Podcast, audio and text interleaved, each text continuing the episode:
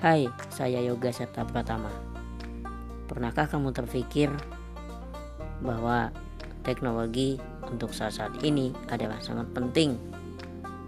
Dengan teknologi kita bisa menciptakan apa pun dan dengan memahami tentang teknologi juga kita bisa membantu orang banyak.